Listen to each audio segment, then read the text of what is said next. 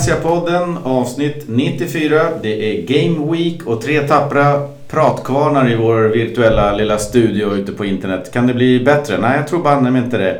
Jag säger väl eh, äntligen lite La Liga och Valencia. Hur känner ni kring det gubbar? Jo, det känns fantastiskt att vara tillbaka i podden och kunna få se lite fotboll igen. Mm, skönt. Jag tycker det är kul att vi är tre här då också. Vi får se. Vi har inte varit det supermånga gånger och vi är lite ringrostiga så vi får väl eh, vi får se hur det går. Men det känns väldigt spännande och det är kul, och, kul att ha med dig också Jocke och kul att täcker vi nästan in hela Sverige här med. Jag sitter längst ner i Skåne och eh, jag höll på att säga Marcus i mitten någonstans men det är väl ett litet hån mot Norrland att säga att Stockholm är mitten av Sverige. Men, eh, mm. Ja, det är men det känns som, som... Det, ja, det är väl lite så. Vad sitter du nu för tiden Jocke? supervecka. Jag sitter ju i Sollefteå nu ja, så jag har flyttat 12 mil norrut hem igen till min hemstad. Just det, från Sundsvall va?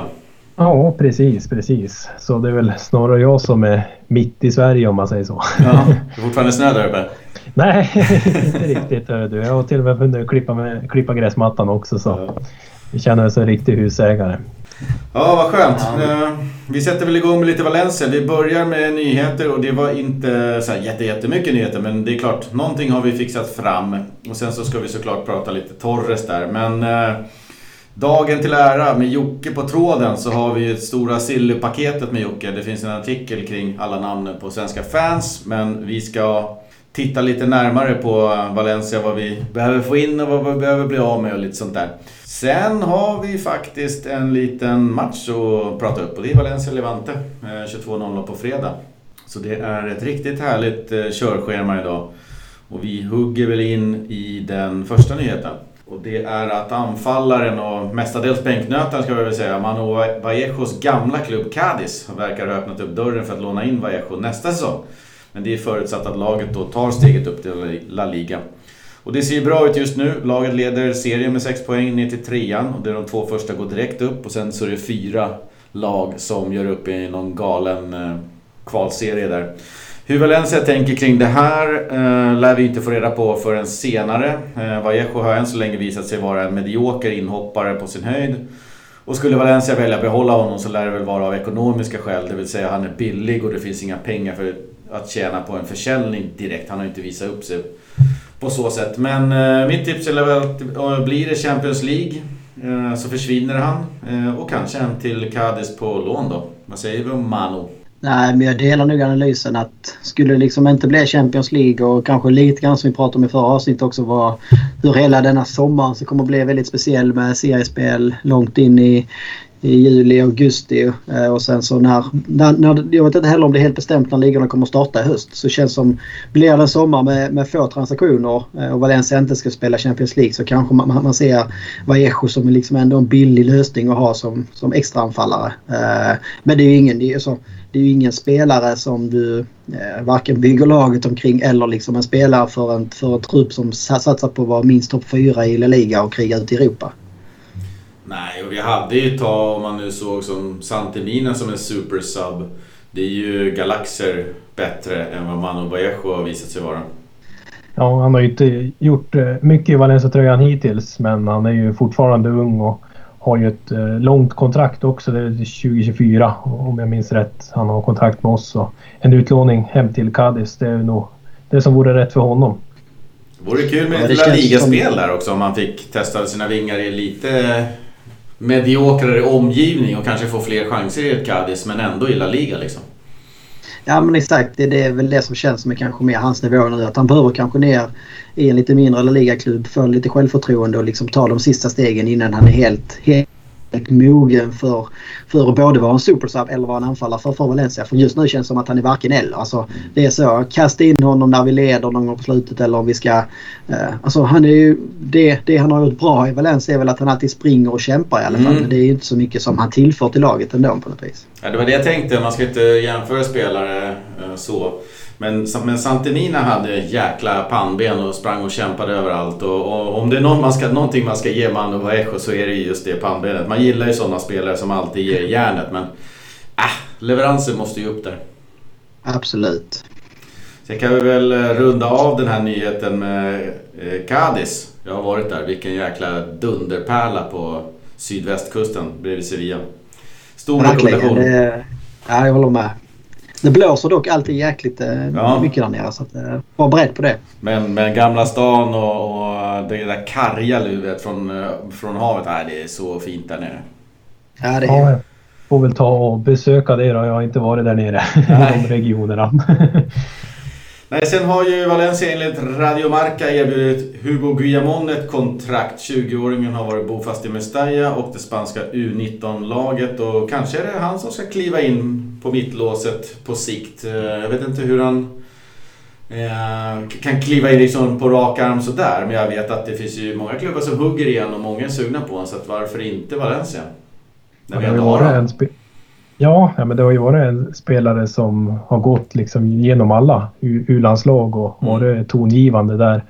Och gjort det väldigt bra i Valencia B. Debuterade ju eh, inte allt för länge sedan. Det var mot Sociedad strax innan när Corona bröt ut. Mm. Som debuterade här i, i A-laget också.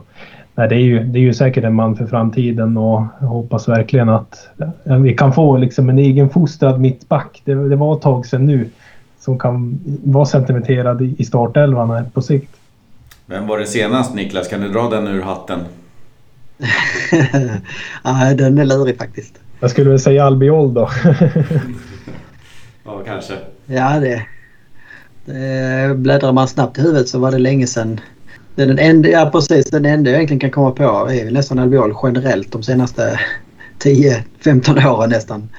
Mittbackar har varit ett eh, bekymmer. Det känns som vänsterbackar eh, det finns ett överflöd av men mittbackar eller högerbackar har varit lite tuffare att ta fram. Ja, och Guillamon har ju verkligen gjort det bra. Vi följde ju ganska noga det där... Eh, Eh, där Spanien vann. Om det var U18 eller U17 eller ja, möjligtvis. Ja, där de vann då. då. Eh, och Guillamon och det var väl någon till från Valencia som var med där. Och, och, han var ju verkligen ordinarie i det laget som, som jag vill minnas tog guldet, annars tog de silver. Men han var väldigt framgångsrik i alla fall. Och jag menar, då är man ju topp två i Spanien i sin årskull på mittbacksplatsen så att säga. Om man ändå har varit helt given. Så att det, det finns ju verkligen både potential och förhoppningsvis en framtid hos den spelaren. Ja, nej, alltså, jag tycker det är superbra av Valencia att man kontrakterar honom. Men oavsett om han blixtrar, blixtrar till, blommar ut eller hur man ska uttrycka det så eh, så kommer Valencia i alla fall få några pengar för honom om han nu ska lämna eller han ska lånas ut. Att tappa den här typen av spelare, yngre spelare som liksom det dessutom har gjort bra framsteg i landslagen bara på grund av att bara slarvigt och onödigt. Så att här, här agerar man ju också enligt... Liksom, man, man lever som man lär. Det är denna mm. strategin som man har snackat om ska vara det som bygger Valencia framåt. Så att det, det känns väl helt rätt. Och sen får vi bara se om han, om han duger eller inte så att säga i de stora sammanhangen. Mm. Sen hade vi någon källa idag som rapporterade att Gabriel hade dragit på sig en muskelskada. Det är oklart hur allvarligt eller oallvarligt det är. Eh, enligt Radio Taronja och Eldes Marke så är Gabriel osäker till spel imorgon, eller på fredag mot Levante. Celades formerade dessutom idag på träningen Diakabe med Xavi Jiménez och just nämnde Hugo Guillamon. Vad har vi på den nyheten? Ja, man swipar ju igenom Twitterflödet innan vi satt oss här så såg jag det här och då tänkte man ju åh nej. så det väl att det var någon som hade kommenterat att de skulle lägga in ett spel att vi kommer släppa in mer än tre mål nu. Mm. Men, nej, men det är väldigt tråkigt om, om Gabriel skulle vara borta. Han är ju liksom den mittback efter Garay som eh, man kan lita på. Diakabi med sina älgarmar och ben tillsammans med en ung Xavi Jiménez eller Hugo Gemond. Det kommer ju bli väldigt, väldigt tufft i sådana fall. Ja, det är ingenting som har funkat jättebra hittills även fast jag tycker att Diakavi, att det liksom, visst, jag, jag tycker mig se någonting där men han måste få ihop säkerheten och stabiliteten i hela. Så en, ett, ett bortfall på Gabriel skulle ju vara väldigt tufft. Speciellt eh, om det skulle vara längre än Levante-matchen. Ja, det känns som att det behövs ju... Det hade gärna behövs både Garay och Gabriel på plan och i alla fall en av dem. Det känns ändå som de två är lite grann ledarna. Även om Garay såklart är en betydligt större ledare än vad Gabriel är så känns det ju relativt liksom o, mer osäkert om vi behöver spela med med en Diakabi som inte riktigt har de ledaregenskaperna. Eller så kanske det är precis vad han behöver. Det, det blir tydligt att han blir ledaren i så fall. Kanske, kanske får vi se Diakabi blixtra till här i sommar. Det blir det som blir den här uh, sommarspurtens stora utropstecken. Vem vet? Det vore ju drömmen att han kliver fram och visar några ledaregenskaper. Exakt. Ja, det hade varit roligt att se men jag tror inte riktigt det om jag ska vara ärlig. Undrens tid är inte förbi. Eh, sen så slängde Depor, Super Deporte upp eh, någonting om att det fanns en liten chans att få se lite publik på Mestalla någon gång i juli månad. 30% av platserna sägs kunna vara möjligt att fylla med fans. Eh, förhandlingar pågår och den spanska regeringen och, eller med den spanska regeringen och spanska fotbollsförbundet. Det vore väl trevligt. Lite grann. Lite publik i alla fall. Ja, nej, men det är ju, sen är det ju, det har väl varit en del diskussioner i Sverige om det här liksom. Om, eh, och det var väl eh, någon klubb utan att nämna den som eh, nobbade det förslaget att antingen så ville man ha liksom fullt med folk eller så ville man inte ha några alls. Att det blev, att det blev lite konstigt om det bara var halvfullt. Eh, jag vet inte, jag, jag är nog jag är nog andra sidan där. Men kan vi få 30% av platserna så är det väl det lite mer känsla även, även för oss som sitter och kollar på TV så att säga. Det känns ju väldigt träningsmatch, internmatchmässigt tycker jag att kolla på fotbollen ifrån eh, Tyskland till exempel som har kommit mm. igång nu där det är helt tomma läktare och man hör liksom spelarna prata med varandra och sådär. Det, det är svårt att få samma känsla eh, kan jag känna. Så får väl se. Det var väl också snack om här i början att man skulle ha lite sådär lite publikljud och, eh, och allt vad det kunde vara. Så det blir, det, det blir spännande att se för nu har man ändå kunnat lite så här smygtitta på Bundesliga hur de har gjort och se liksom eh, vad, vad som inte har funkat och prova lite nya grejer. Så vi får väl se vad spanjorerna har i rockaren om du plockar fram här. Ja, danskarna smällde väl upp eh, tv-skärmar de på, på läktaren. Ja, så det, det finns ju alla möjligheter. Nej men absolut, kan man fylla lite grann av platserna så då tar man det alla dagar i veckan. Ja men du får de live-känslorna lite grann i alla fall. Ja, så sen är ju egentligen bara frågan vilka... menar 30 procent av platserna rent krasst på, på Mestalla snackar vi då 15 000 kanske knappt. Eh, 10 000 säger vi. Eh, och det är klart, är det, är det 10 000 eh, som är liksom sjungande fans så är det skitbra. Är det 5000 eh, direktörer som sitter på eh, sittplatsläktaren och, och bara liksom... Eh, ja, vad ska man säga? Jag tror ni förstår vad jag menar. Så det var helt och hållet på vilka är det som kommer in och hur ska man också kunna liksom sortera och välja vem det är som ska få, ska få komma in. För att jag antar att års, årskortförsäljningen är säkert högre än 30% av beläggningen. Så det, är ju, det kommer ju också den här rättvisaspekten på något vis. Vem ska, vem ska komma först i ledet och hur många platser kommer gå till de verkliga fansen? Räkna med 5000 liksom kostymer från Singapore. Ja men det är det jag menar. Och då, då känns det som att ja, då, då, då spelar jag hellre med en tomt med Steja. Mm. ja så är det. Vi får se vad som händer där. Taskigt för Real Madrid då som bygger om Bernabéu. De ska ju inte ens spela där på resten av säsongen om det nu blir så här då. Då skulle du spela på någon liten arena där med en 6000 platser eller något sånt där resten av säsongen. Jag tyckte det var jävligt smart. Alltså nästan så man tänkte fan att inte Valencia liksom Eh, Eh, kopierat den idén. Alltså jävligt smart idé och få liksom lite extra tid på sig att göra en eh, renovering av arenan när, när liksom hela det här bröt ut och man insåg ju ändå hyfsat tidigt där i april i alla fall att nej, men det kommer nog ta ett tag innan vi kan börja spela igen och det kommer nog ta ett tag innan vi, vi kommer kunna ha publik på läktarna. Så jag tycker ändå, om, nu vet jag inte exakt om det var så att de liksom eh, lite sådär ad hoc bestämde det här men det hade ju varit bra läge för, för Valencia också nu när hela Numestaya verkar liksom än mer eh, än mer gå i, gå i graven så att säga så hade det varit bra att köra ytterligare kanske någon renovering på klassiska Mestalla här den här tiden. Ja, det hade varit nice. Eh, sen har vi en sista nyhet och det är väl den enda riktiga stora nyheten hela veckan. Eh, även fast det inte finns så jättemycket officiella uppgifter kring det. Men det är ju Ferran Torres Gate. Eh, vi har bett Niklas eh, sätta ett stetoskop, eh, ett mikroskop i, i ämnet. Vad är, vad är det senaste? Vad händer? Ja, till att börja med så kan vi väl säga att alltså, jag tror nog man ska vara väldigt försiktig med all, all info och allting som man hör just nu. För det, det cirkulerar högt och lågt och det, är liksom, det ena är, går tvärt emot det, det som kommer minuten efter. Och det är ju det är också så, alltså det finns ju självklart några i det här som vinner på alla ryktena och stormen som har blivit. Både liksom en del medier och journalister säljer såklart mer, mer tidningar och mer, mer annonser och får mer klick ju mer liksom, eh, ju sjukare historier som man kan hitta på. Eh, och vi vet ju också med olika typer av agenter att de, de är väl liksom inte de förlorarna av att det blir, eh, att det blir den här typen av ryktesaffärer. Eh, ska man försöka sammanfatta vad, vad, vad, som har hänt den senaste veckan så har det väl ändå börjat hända lite grejer. Vi pratade i förra avsnittet om att det kanske inte hänt så mycket och att det har varit relativt tyst. Eh, nu har det väl kommit ut eh, sipprat ut rykte både som säger att Ferran själv eh, vill vänta till efter säsongen innan han vill eh, gå in i, i eh, förhandlingar eller prata om det här eller ta ett beslut. Vilket då kanske kan verka lite oroväckande. Eh, eh, varför skulle han vilja det och vad är det liksom de här närmaste nio veckorna som, som liksom kommer av, Är det de här nio, nio veckorna som kommer avgöra? Eller vad är det liksom som gör att han vill vänta? Eh, man skulle kunna se det som att han redan har bestämt sig för att lämna men han vill spela klart säsongen och inte... Ja, nu är det inte så mycket Burup som du kan få kanske men eh, eh jag tror inte att han vill ha något som stör kanske hans, eh, hans avslutning på säsongen. Sen har det kommit andra rapporter som då säger precis detta. Jag tror det var Coppe eh, de Valencia där med Eh, deras radioprogram som eh, rapporterade att han, att han hade bestämt sig redan för att inte signa ett kontrakt. Uh, och i, liksom i farvattnet av det så har ju Dortmund seglat upp som kanske den hetaste kandidaten och det har väl varit en del uh, rykten som sen visade sig vara lite osanna där uh, om, om, deras affär. Men rent objektivt så känns det liksom ganska rimligt med Dortmund som en ersättare till Jadon Sanchez som är på väg därifrån.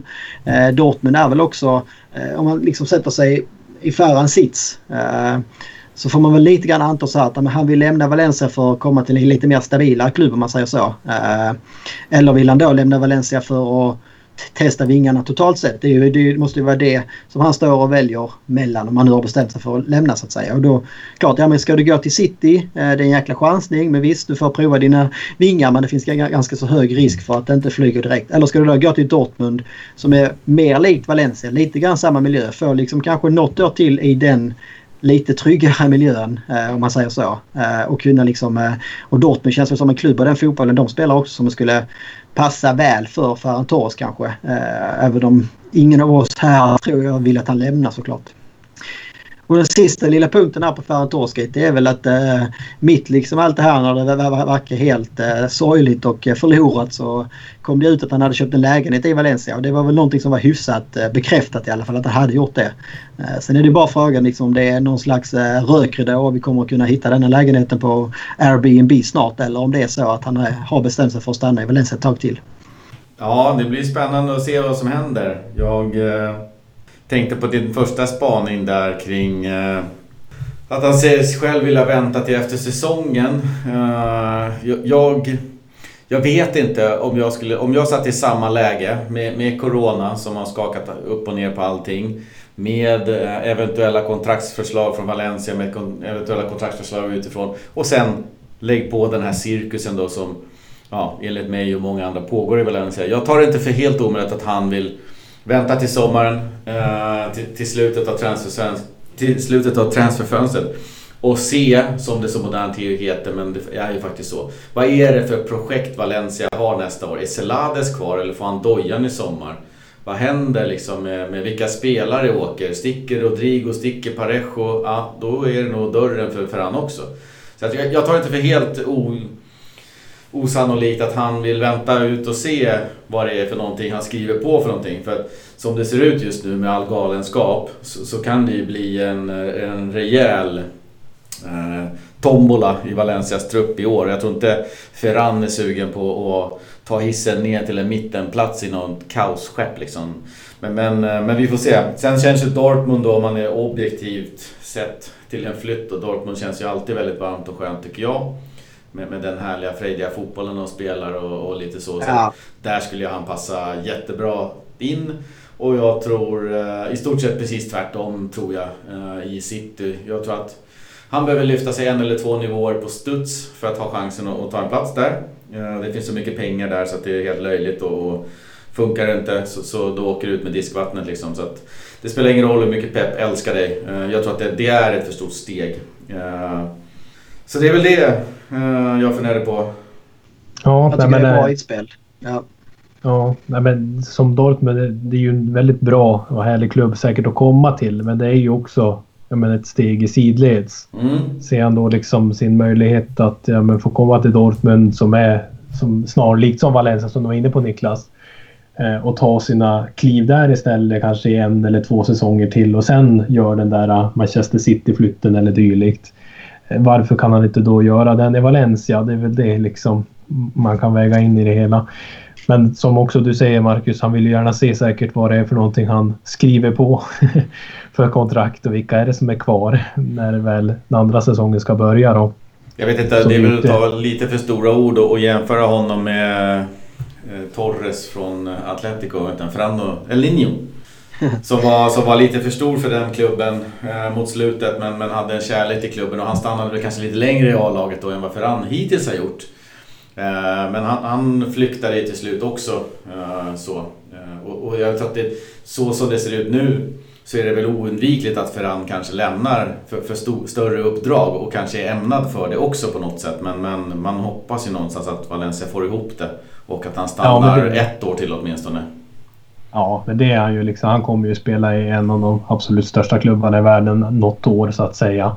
Men jag hade gärna sett att han stannar i alla fall en eller två säsonger till och, och kommer upp till den nivån innan han lämnar. Då, mm. då ska man inte säga någonting om det liksom. Då skulle man bara önska honom lycka till och hoppas att han återvänder någon dag. Det ironiska med Atletico var väl att de, de blev ju en maktfaktor. Eh, med Cholo Simeone eh, strax efter att eh, Fernando Torres drog. Precis. Så vad tror vi då? Ska vi... Eh, Stannar han? Skriver han på kontrakt? Eh, vad är era, era kvalificerade gissningar? Min kvalificerade gissning är att eh, han sticker eh, efter sommaren. Eh, antingen eh, eh, frivilligt via en försäljning, eh, skriver på ett kontrakt eller att det blir någon typ av bråk och tjafs hela hösten och man kommer överens om att han försvinner på något sätt i vinter eller nästa sommar. Men eh, om ett år, så att säga, senast sommaren, fönstret 2021, så försvinner han. Jag ska tippa på redan nu. Ja, jag, jag är nog med dig där på att han försvinner nog nästa sommar. Jag tror att han blir kvar en säsong till. Ja, mitt tips ska väl kanske förtydligas. Att jag tror att om han stannar så blir det turbulent kring eh, Ferran. Jag tror inte att de kommer överens om någonting bra. Jag tror inte att man vill skriva på och man håller på att trassla och bråka lite.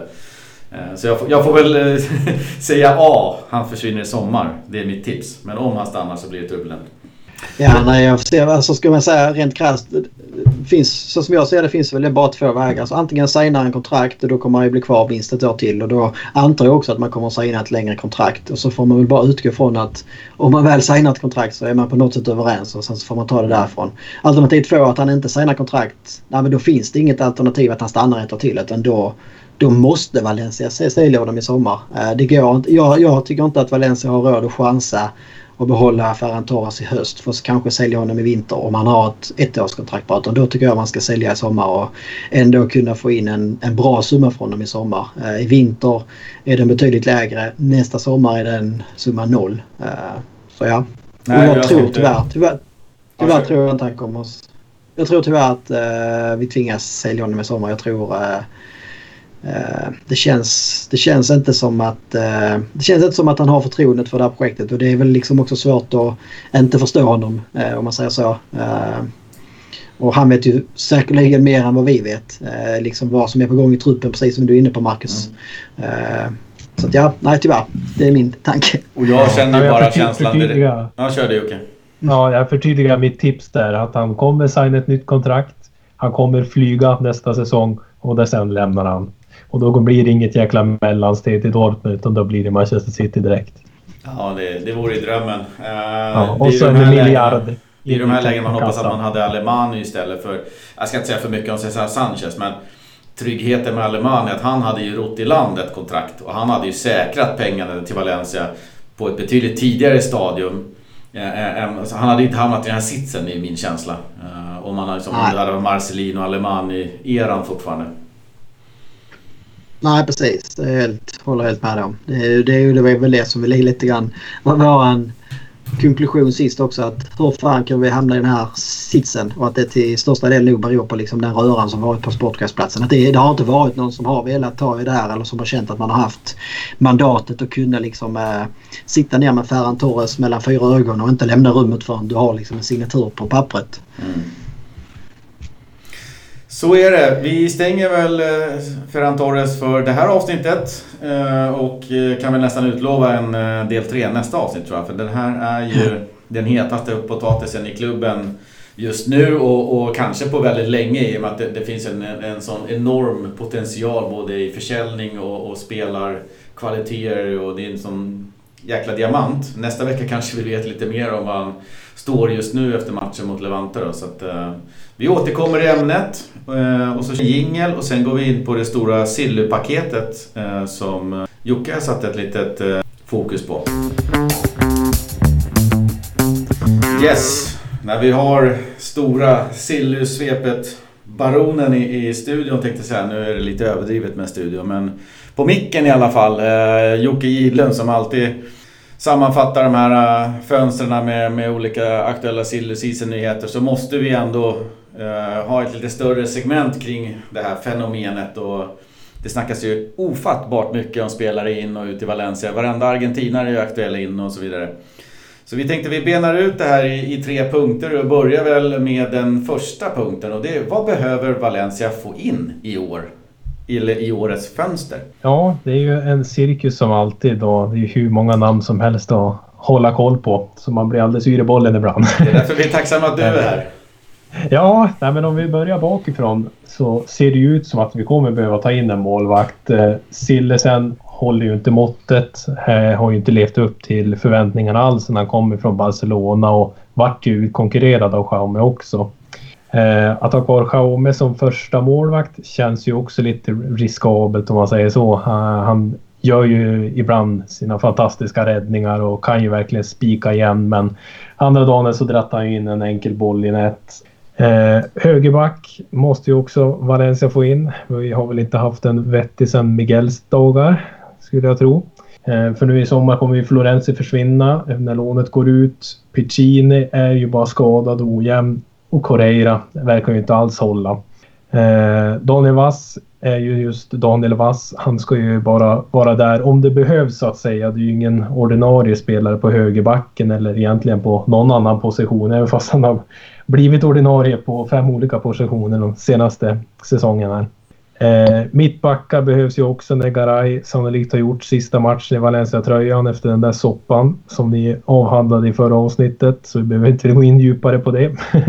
eh, Diakaby, Mangala, Paulista känns ju som en för klen uppsättning. Det är väl lite spännande nu med Hugo Guillamon då eh, och se vad som händer där. Men vi skulle ju gärna behöva få in Nerad på den positionen. Eh, I övrigt så tycker jag att vi har ju ganska bra täckning på resterande positioner, mittfältet och framåt. Eh, det känns som att vi har alltid liksom en gubbe i lådan att kunna slänga fram på. Men på vänsterkanten med Guedes, Cheryshev, även Ferran kan ju spela där ute. På högerkanten med Soler, Ferran och, och centralt liksom med Coquelin, Kodobia som kompletterar varandra fint det är väl möjligt i sådana fall no, någon ersättare till Parejo och någon lite mer komplementspelare där när Kangin Lee verkar ju vilja dra mer ut mot en kant. Ja, jag är lite inne på just det spåret. Eh, Coquelin Kondogbia tycker om båda två. Jag tycker om båda två håller nivå. Eh, men har ju inte kunnat ha någon Eh, Eh, långvarig leverans i och med att de hela tiden drar på sig någon typ av skador. Så att de får ju växeldra ganska mycket. Och det har ju funnits tillfällen där båda liksom saknas eh, i truppen. Vilket ju såklart ställer till bekymmer och där måste man väl ändå bestämma sig kanske i Valencia att är det de här två herrarna som vi ska ha eller behöver vi ha in någon? Jag vet att det har varit lite snack om olika namn som ska liksom, ja, kanske komplettera Parejo på hans position. Men jag känner mig att det är någon av Kondobia och Coquelin i sådana fall kanske som man behöver fundera på om man får in dem. Men det, det, det, den positionen, central in i mittfältare, den kostar ju pengar verkligen. Men det, men det är ju högerbacken som behöver. Florenzi tror jag, lite för gammal, lite för dyr. Uh, jag vet inte, det har väl funnits, vi pratade om den här Germain förra, förra avsnittet. Uh, men någon där, sen vet jag inte Sillisen liksom, han har ju lagt rätt mycket ägg i den korgen och de namnen som har florerat upp, Neto tillbaks eller Guita, alltså, nej, de namnen som florerat har inte konkurrerat ut Sillisen.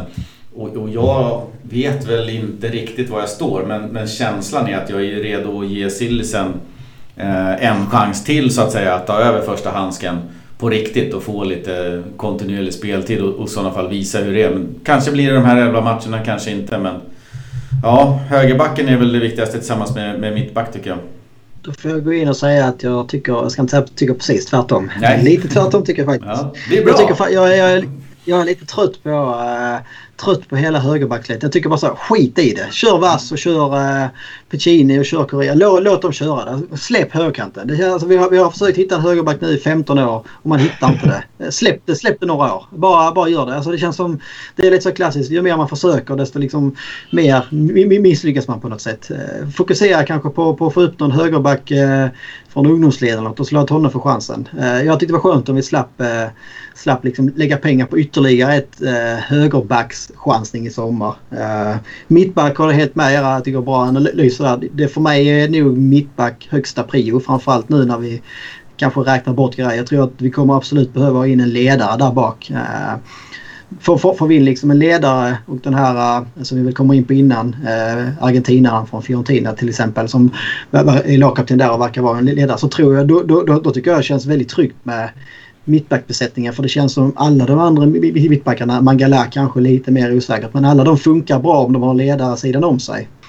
Eh, uh, inom mittfältet håller jag också med er. Uh, kanske det också är dags att liksom hitta en, uh, en Parejo-tronföljare så att säga. Uh, en, inte bara leta efter den här slitvargen som kan ersätta Coquelin och Kondogbia kanske utan jag vet inte Parejo, jag skulle säga kanske Parejo Eh, det känns ju också väldigt taskigt att säga så att han är liksom på någon slags audition här under sommaren. Men audition på det sättet att eh, om han liksom ska fortsätta vara den centrala mittfältaren som vi ska bygga spelet kring så tycker jag han behöver höja sig lite grann. Eh, han gjorde det superbra under Marcelino men under alla övriga tränare i Valencia har han sett betydligt mer ojämn ut. Målvakt tycker jag också att man kunde kolla på en annan målvaktstyp. Eh, jag tror också att Sillesen är en bättre målvakt än han har fått visa i år. Men det känns som... Eh, vi hade hellre haft en lite större målvakt med lite större pondus längst bak. Eh, för att liksom gå tillbaka till det här Valencia. Mm. Som, är, men som är tryggt bakifrån på något sätt. Att där, där ska vi ha liksom en lite mer ledare även i målet. Jag tror också det hade hjälpt backlinjen på något sätt. Eh, där vi då saknar de här ledargestalterna. Har du en målvakt längst bak som styr och ställer. En lite så här, en Oliver Kahn typ. Även om de är svåra att hitta. Jag tror det hade kunnat gynna Valencia faktiskt. En Canizares typ? Ja precis. Det han, eh, det han inte faller in på där är väl att han inte heller är särskilt stor han. Men eh, han var ju ledare och snackade och styrde och ställde. Exakt. Vi gjorde väl lite ett Oliver Kahn light med Timo Hildebrandt. Men det gick ju inte så, så jättebra. Men det vart ju en Copa del Rey-buckla i alla fall. Nej, sen är ja, frågan... Alltså, Sen är frågan liksom... Eh, Kangelis roll, kan man matcha in honom? Är det, är det hans år? Tar han det lyftet som, som Ferran tog efter ett halvt, en halv säsong så att säga? Och det, det finns ju liksom folk inom truppen som gott och väl kan ta steg och, och fylla vissa skor. Men, men eh, ja, det behövs nog fyllas på lite på mittfält och back. Eh, och visst forward också. Jag menar vi har väl inte så många jättevassa forwards utöver Rodrigo och Maxi liksom. Men nej, där, de, nej, de kostar ju också. Precis, nej, men det känns som offensivt. Om vi liksom får, får behålla större delen som vi har och de vi vill behålla så känns det ändå tryggare där. Om man säger så vad, vad vi mm. behöver få in. Det känns mer, mer, mer, som fokus på vi behöver nog mer få in defensiva spelare. Sen är det klart nice to have är ju liksom att få in en, en anfallare som kan uh, mer uh, gå runt med Maxi och Rodrigo på något sätt. Om det är att skola om en Guedes kanske till 100% till att bli den där tredje anfallaren och då kunna köra in Kangeli på vänsterkanten eller vad det skulle kunna vara. Uh, men jag tror att för det, det, det, det, det är ju nästan problemet på mittfältet är ju snarare åt andra hållet ofta. Liksom. Att du har en Carlos Soler, du har en Ferran Torres, du har en Kangeli och du har en Gonzalo Guedes som fyra liksom som jag tycker i bra stunder kan Gili kanske inte riktigt är där än men det är ju bra La Liga-spelare. Mm. Uh, spelare som, som man gärna hade sett liksom i startelvan vecka in och vecka ut. Och där är ju bara plats till två i taget oftast. Så där, där kanske det mer blir någon så här intern rokad som man gör. Det kanske blir... Carlos Soler kanske ska bli en innermittfältare och Guedes kanske ska bli anfallare. Jag vet inte men någonting händer där. Eller så kanske det blir som vi snackade om sist att uh, man, uh, man så att säga vaskar Ferran Torres för att man ska kunna släppa in Kangeli på högerytan. Det vore kul att veta hur tankarna går kring Ferran Torres, eller, Ferran, eller vad säger Carlos Solers eh, framtid. Ska han vara backup till Ferran Torres eller, eller ska man ge honom chansen på riktigt centralt nu? Seladens har gillat Carlos Soler oavsett mm. så att eh, om han är kvar och får bygga laget så tror inte jag det är helt omöjligt att han vill se honom som den här Parejo eh, tronföljaren så att säga centralt. Det, det skulle jag inte bli alls förvånad över så länge vi har Selades som tränare faktiskt. Nej, sen får vi se också när Salades får liksom, ja, med ett helt sommarfönster och, och en försäsong höll jag på att säga. Det blir det ju ingen nu. Men att se liksom hur han sätter sin spelidé och spelsystem med allt ifrån formation och dylikt.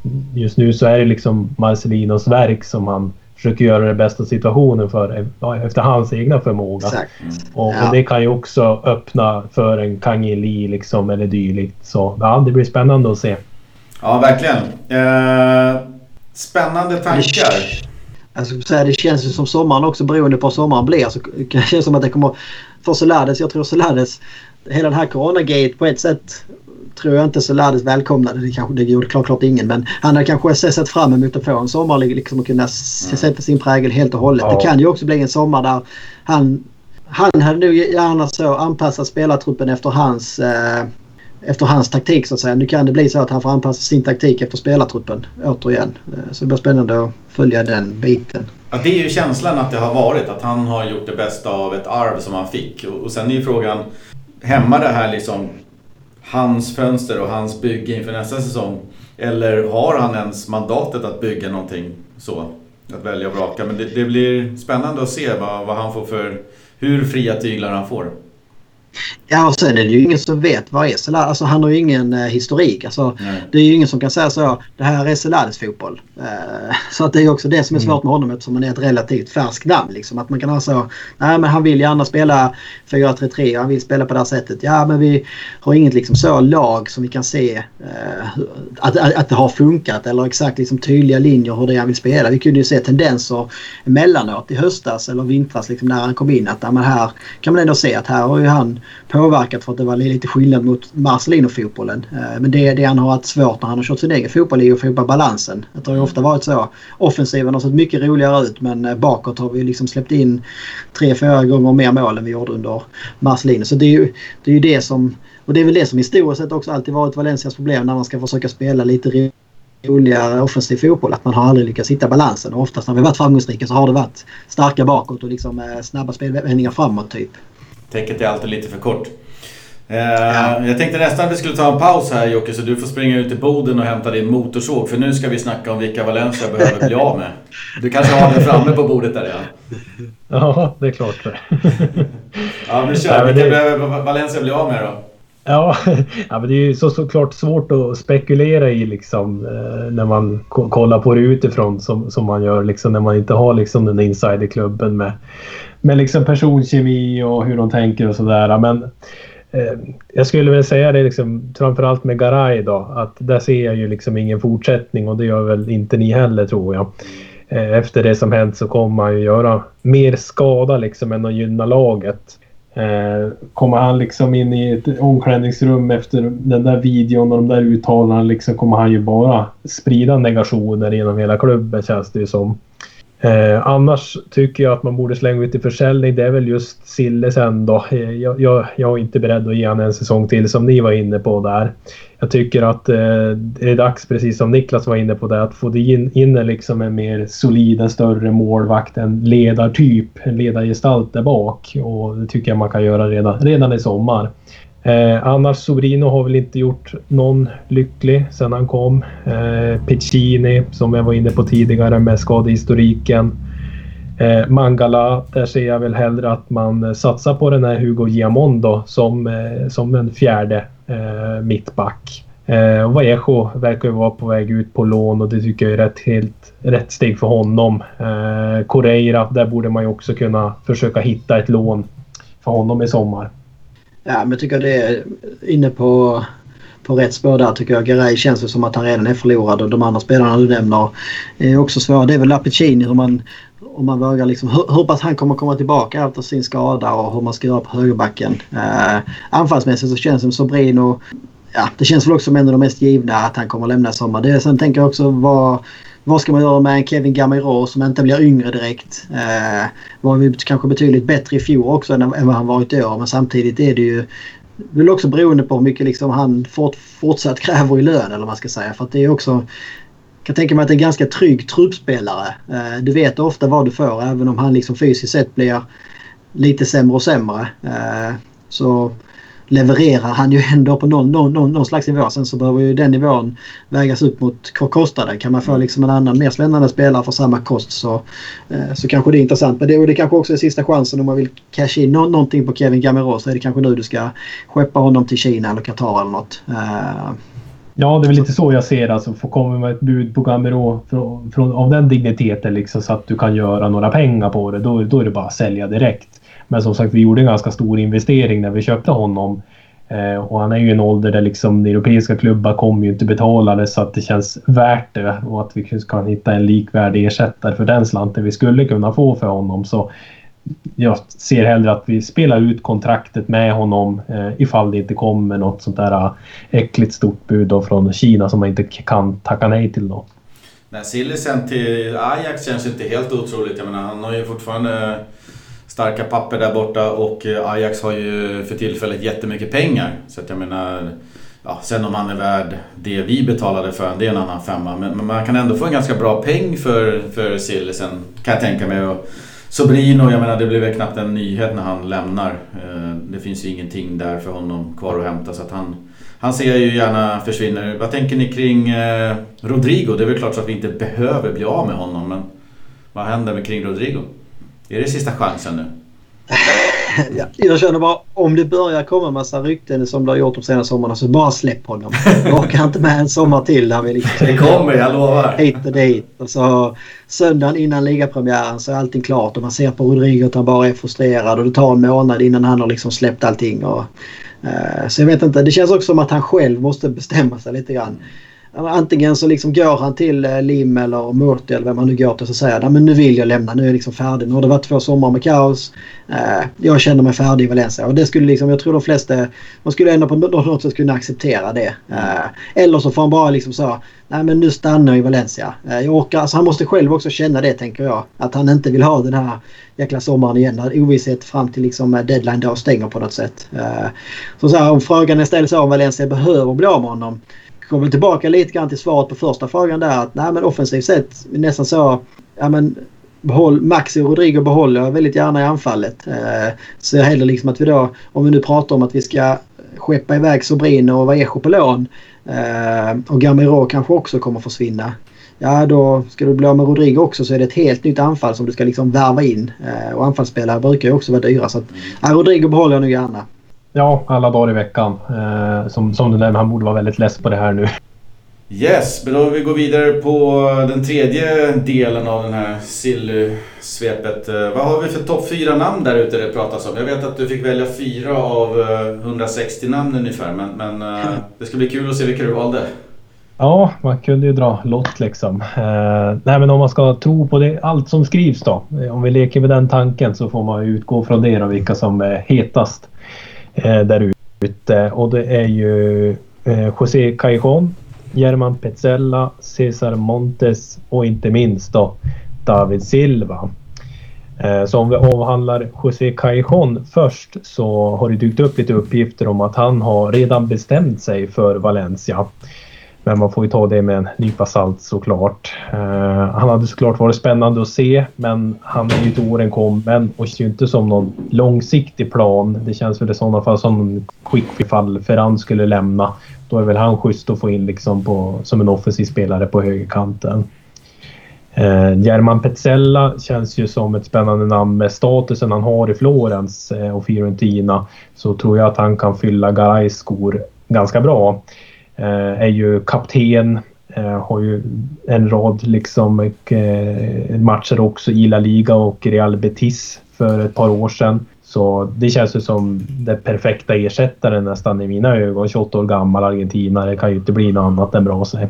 Eh, Cesar Montes är ju en stor mexare i Monterrey. Här har man ju noll koll men eh, han har ju ålder på rätt sida i alla fall. 23 år gammal ett imponerande facit eh, med 150 seniormatcher och 10 landskamper för Mexiko. Är väl den, den spelare man har minst koll på dem såklart. Eh, sist men inte minst, fast han är ju faktiskt minst, David Silva.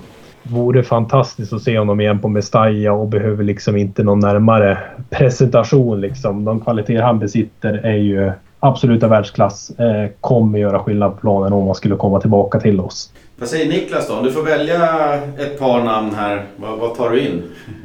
Montes är väl svårt såklart, men om ni tänker på Silva och Callejon till exempel? Ja, Cesar Montes är faktiskt överst på min eh, önskelista. eh, mycket på grund av att eh, jag jag har faktiskt varit och sett en match på Monterreys hemmaplan. En helt fantastisk arena. Mm. Uh, hemmalaget vann derbyt. Man avgjorde på en straff i 89 minuten. Så det är ändå en klubb som ligger ganska varmt om hjärtat även om man fick rätt så mycket öl helt över sig vid målet. Uh, Vad säger dina kontakter där nere om spelaren då? Ja, jag får nog börja dra i dem lite mer. Nej, men red, utan att ha liksom superkoll på honom eh, fotbollsmässigt så får man väl anta att han är välscoutad. Sen så är det klart att det är en chansning av alla de här. Eh, men det, det man hör och läser om honom så känns det som ett spännande namn. Eh, sen så går det lite emot det jag sa tidigare om att jag tror vi behöver få in en ledare. Där är det den här Petzella som känns som...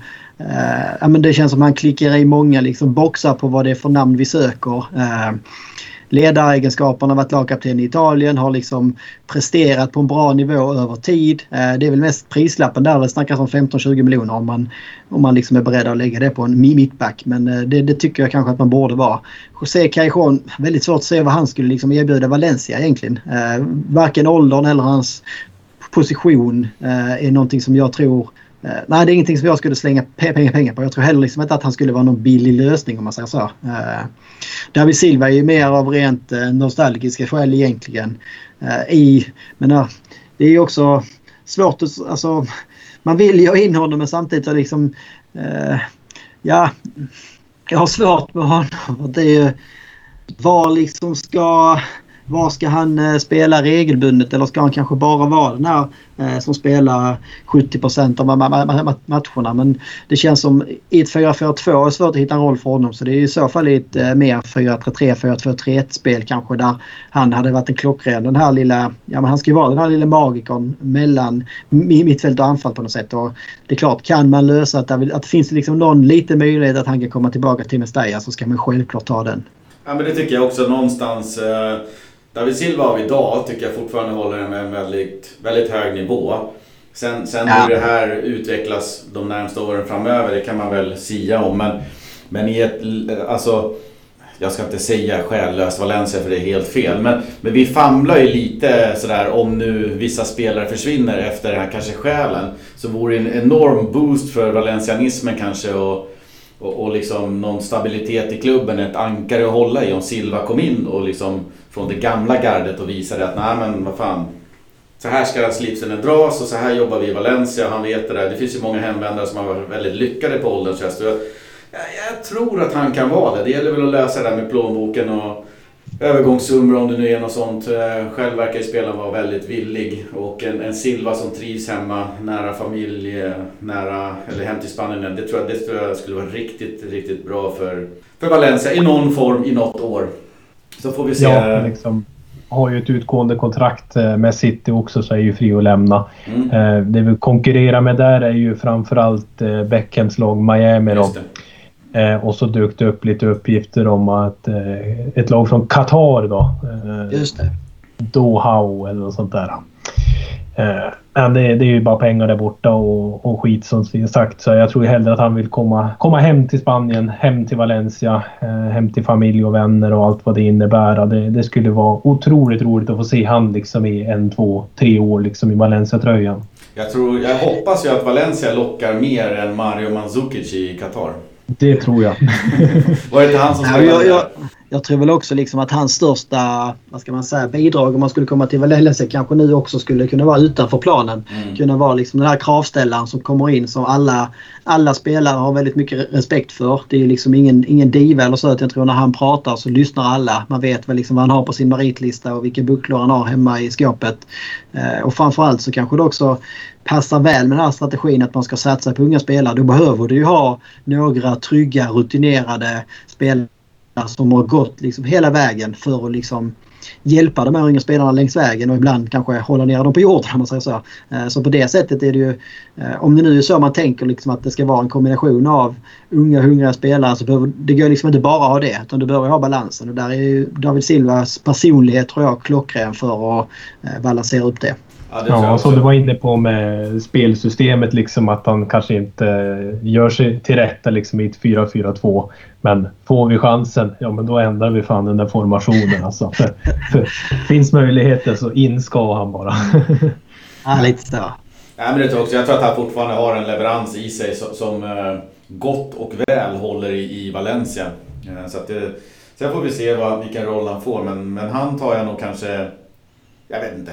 Han, han, verkar billigast kanske av de här allihopa. De andra kommer med en, en, ganska saftig prislapp och det blir en investering att lägga 20 miljoner på en spelare. Om man tänker på Pazzella kanske och jag vet inte vad Callejon hade för prislapp. Han är utgående kontrakt han också så det är fri transfer i sådana fall. Det är ju vi och Sevilla såklart som drar i de trådarna. Som vanligt. Nej men är det så att man liksom, ah, Valencia verkar intresserad, vi slänger in Sevilla också. Eller är ja. de alltid intresserade av samma spelare? Nej, det känns ju inte som så när man läser de här alla artiklarna så att säga. Då, då benämns ju alltid Sevilla där också när Valencia är med. Har vi någon väl, anfallare på, som det snackas om? Alltså renodlad nio så att säga? Ja, ganska lite, men det har ju han Cedric Bakambo, ja, gamla Villarreal-forwarden. Eh, han var ju, snackades det om redan i januari också. Eh, men han håller väl till i Kina och Beijing. Eh, och han har ett kontrakt som går ut nästa sommar då, så de ser väl chansen att försöka få in lite deg för honom då och allt med det här med utlänningskvoten och så vidare. Så men det, det är ju liksom säkert målgaranti på honom. Liksom en 10-15 baljer i, i, ett, eh, i La Liga. Det gör han ju. Jag, hade, jag håller ju honom ganska högt som, som striker och tyckte att han gjorde det jäkligt bra i Villarreal. Inte 63 miljoner euro bra, eller vad han nu gick för. Men, men, men ändå, jäkligt... Eh, det, det är en vass striker alltså. Ja, sen får vi inte glömma bort Chimi Avila också. Nej, just det. Mm -hmm. Men han är väl snart tillbaka och, och allting. Vi får se vad, vad som händer där. Jag kan tänka mig att uh, känslan var ju när, när han, jag vet inte om han slog igenom, men när han hade sina glansdagar i vintras innan skadan, att prislappen var ju kraftigt på väg uppåt. Nu får vi se hur skadorna påverkar den då. Ja, det var ju fint uppsnappat av Osasuna. Det var väl Huesca han var i först va? Eh, och lämnade dem då eh, och gick till Osasuna. Så det var bra scout av Osasuna där så där kan de ju göra, göra pengar som sagt. Och det är ju en, verkligen en säljande klubb så att det, det, är ju inte alls omöjligt att vi ska kunna få in honom då. Nu var han ju eh, knäskadad och har varit borta sedan januari men var ju på G tillbaka här nu. Jag vet inte om det var vi som jinxade det här vårt avsnitt. Vi hade något litet halvt hyvlingsavsnitt och sen så bara någon vecka efter så gick han och drog knät. Så det kände jag mig lite skyldig där. Ja. Nej, men det känns också som en spelare med, med rätt inställning och attityd. Jag tror också att han känner att uh, Huesca och Sassona är all ära, La Liga är all ära, men det är en annan grej att spela för Valencia. Så att jag tar det inte helt, eller jag tar det för väldigt troligt att han känner att han gärna skulle till Valencia. Så jag hoppas att man uh, utreder den möjligheten om, om viljan från Valencia finns. För han skulle jag vilja ha in. Jag tror ja. också han skulle ha enklare liksom att köpa den rollen som man skulle få i Valencia. Mm. Men nu ponera att Maxi och Rodrigo är kvar. Så kommer ju liksom, det är därför jag är lite så, alltså jag håller med. Bakenbur har ju varit en superbra anfallare i La Liga inne. Man vet vad man får men det är läget vi är nu. Om det liksom är en tredje anfallare som vi, vi ska ha. Vi ska mer bygga laget omkring Maxi och Rodrigo liksom så. Kanske Chimia Villa mer Mm. Mer lämplig för att liksom så, ja, men, köp din roll. Eh, du kommer inte in för att vara första eller andra anfallare utan det är, det är liksom lite mer backup-känsla. Sen kommer du få dina chanser från starten då och det är skador och avstängningar och sådär. Men jag tror mer den typen av, på de hyllorna så att säga kanske som vi ska leta. Ja, jag tror Bakambu ligger på en högre hylla också om de nu pröjsade 60 plus eh, miljoner euro ja. för han och han har gjort mål i Kina löpande så jag menar, visst han kanske vill till Valencia men jag tror att det finns andra med, med större plånböcker som, som kommer betala mer än eh, säg 15, 18 för Chimia Vila som om, man, om det står däremellan då. Jag tror att det är snarare 30-40 för Bakambu åtminstone om inte kineserna har börjat ägna sig till, åt välgörenhet istället. Nej, sånt pysslar de inte med riktigt. Mm. Nej, men jag tänkte precis säga det där också, precis som du är inne på Niklas, att du verkligen han skulle acceptera sin roll liksom som, som att lira tredje fiol bakom ja. Maxi och Rodrigo. Han är ju bra ålder också, 26 år gammal liksom och, och har ju liksom utvecklats ganska sent i karriären och det brukar ju också vara till fördel liksom att eh, han kommer vara väldigt, väldigt nöjd om han får den chansen att få komma till Valencia, komma till en stor klubb i La Liga. Mm. Så nej, jag tror det vore en toppenvärmning. Ja, det vore kanon. Bra flås i nacken på Rodrigo och Maxi också om Chimia Vila där med inställning och allt. Precis. Eh, sen hade Niklas snappat upp en liten rapport som är dyr. Ja precis. Men det är väl de här tiderna som har varit och fortfarande innan fotbollen är helt igång så blir det väl alltid... Journalisterna ska ju ha någonting att göra så att säga och då har vi mm. snappat upp en liten genomgång så här. Eh, över liksom de, eh, ja, men de, de, de, de tio största investeringarna, de tio dyraste nyförvärven som Valencia gjort och hur bra de egentligen liksom sen har funkat i Valencia. Eh, framförallt liksom kanske hur deras start i Valencia har varit, hur lång tid det tog innan de började betala tillbaka. Eh, börjar vi på toppen här, Gonzalo Guedes är ju den dyraste värvningen. Kostade 40 miljoner euro när han kom. Eh, flög ju superbra första säsongen när han var utlånad. Det var ju liksom den, eh, de höjderna och den visionen och illusionen som han visade upp då som fick Peter Lim att liksom casha upp för honom sommaren efter. Eh, sen han blev köpt så har han ju inte alls levererat på samma nivå. I alla fall inte över någon längre period. Utan det har varit mycket skador och problem att liksom hitta, hitta rätt i Valencia på något sätt. Eh, så än så länge kan man väl inte säga att de där 40 miljonerna har eh, betalat tillbaka sig direkt. Om vi hastar vidare. Tvåa på listan här, Jasper Sillesen. Eh, kostade 35 miljoner när han kom förra sommaren.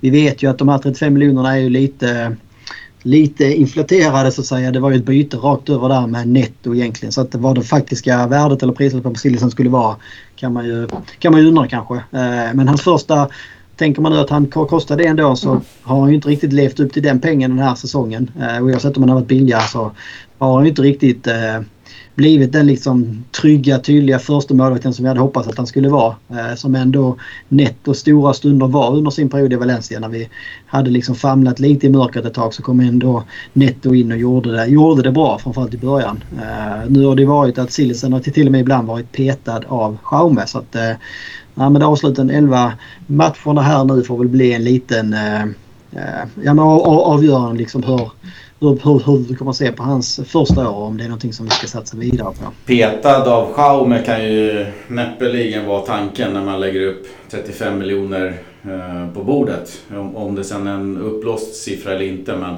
det var ju absolut inte tanken så att där kan jag absolut hålla med om att eh, där har inte leveransen varit eh, med, i jämnt med förhoppningarna. Eller förväntningarna. Nej.